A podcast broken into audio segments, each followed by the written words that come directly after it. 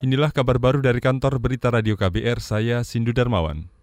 Saudara, Saudara Presiden Joko Widodo menyebut defisit keuangan di BPJS Kesehatan terjadi karena kesalahan tata kelola perusahaan. Jokowi menilai BPJS Kesehatan tak mampu membuat pesertanya patuh membayar iuran.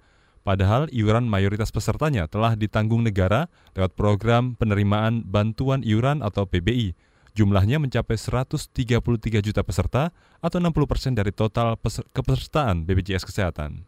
BPJS terjadi defisit itu karena salah salah salah kelola aja. Artinya apa? Yang harusnya bayar pada nggak bayar. Artinya di sisi penagihan yang harus mestinya diintensifkan.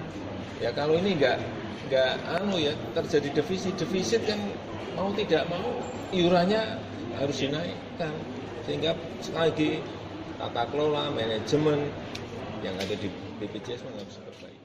Presiden Jokowi menyatakan pada 2019 pemerintah akan membayarkan iuran PBI untuk 133 peserta BPJS Kesehatan lewat APBN dan APBD. Jokowi meminta BPJS Kesehatan meningkatkan kedisiplinan peserta membayar iuran agar BPJS Kesehatan tidak terus defisit. Saudara tahun ini BPJS Kesehatan diperkirakan defisit hingga 28 triliun rupiah.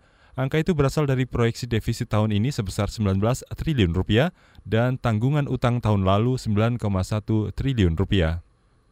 11 tokoh mendatangi gedung Komisi Pemberantasan Korupsi KPK untuk memberikan dukungan moral kepada lembaga anti rasuah. Ini dilakukan pasca disahkannya revisi Undang-Undang KPK oleh DPR dan pemerintah beberapa waktu lalu.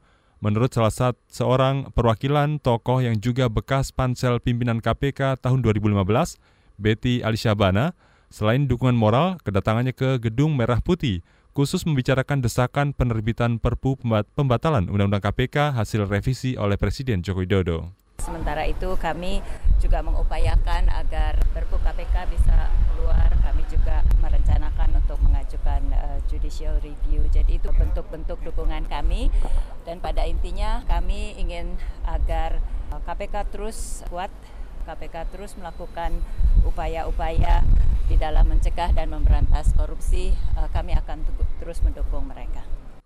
Itu tadi Betty Alisyabana. Saudara tokoh lain Abdul Fikar Hajar menyebut saat ini perpu yang paling efektif diterbitkan untuk menguatkan lembaga anti rasuah itu.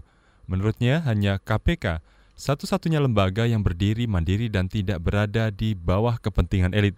Selain Betty dan Abdul Fikar, sembilan tokoh lain yang ikut menyambangi KPK antara lain Eri Ariana Harja Pamekas, Tuti Herati N. N. Ruseno, Omi Komaria Nurkolis Majid, Anton Doni, Ismit Haddad, M. Yasin, Abdul Fikar Hajar, Bivitri Susanti, Ferry Amsari, dan Kurnia Ramadana.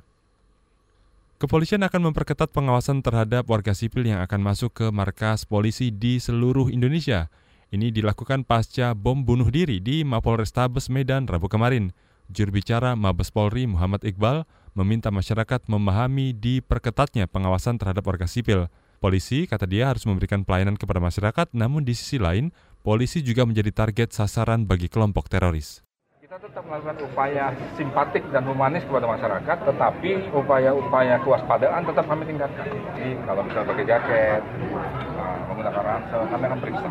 Jadi kepada masyarakat, kami himbau untuk mengerti apabila misalnya ada teman-teman saya melakukan pemeriksaan itu bukan semata-mata kami tidak bersahabat, tapi semata-mata untuk melakukan upaya-upaya Juru bicara Mabes Polri Muhammad Iqbal menambahkan, Polisi juga meminta kerjasama masyarakat untuk melawan paham radikalisme dan terorisme di Indonesia. Iqbal berharap masyarakat melaporkan jika ada perkumpulan yang mencurigakan dan mengatasnamakan agama atau pengajaran yang melenceng. Banyak industri kecil dan menengah ga, menengah garam di Pati Jawa Tengah memproduksi garam dengan kualitas di bawah SNI. Laporan selengkapnya disampaikan kontributor radio jaringan KBR Agus Pambudi dari Pati, Jawa Tengah. Tim Gaki Kabupaten Pati menemukan 12 tempat industri kecil menengah IKM garam yang kualitasnya jauh dari yang dipersyaratkan. Padahal IKM garam itu sudah ber-SNI. Kabit Pemerintahan Sosial Budaya Abdul Anik mengatakan pemerintah akan menindak secara hukum bila IKM-IKM bersangkutan belum memenuhi mutu SNI. Kita kasih waktu 30 hari untuk pembinaan tersebut. Kemudian kita nanti ke lokasi lagi untuk melakukan uji literasi bila mana mutu garamnya masih belum sesuai SNI, maka teman-teman dari penyidik, dari tim GAGI juga akan melakukan yang namanya penegakan hukum. Ini juga dalam rangka mendukung program pemerintah terkait dengan stunting. Karena akibat dari garam yang tidak baik menjadikan bayi atau ibu hamil melahirkannya dalam keadaan kerdil. Terhadap pelanggaran ketentuan SNI produksi garam itu, kepolisian yang merupakan bagian dari tim GAKI juga telah menindak satu IKM yang menyalahi aturan. Agus Pambudi, Radio Paspati, melaporkan untuk KBR. Saudara demikian kabar baru dari kantor Berita Radio KBR. Saya Sindu Darmawan.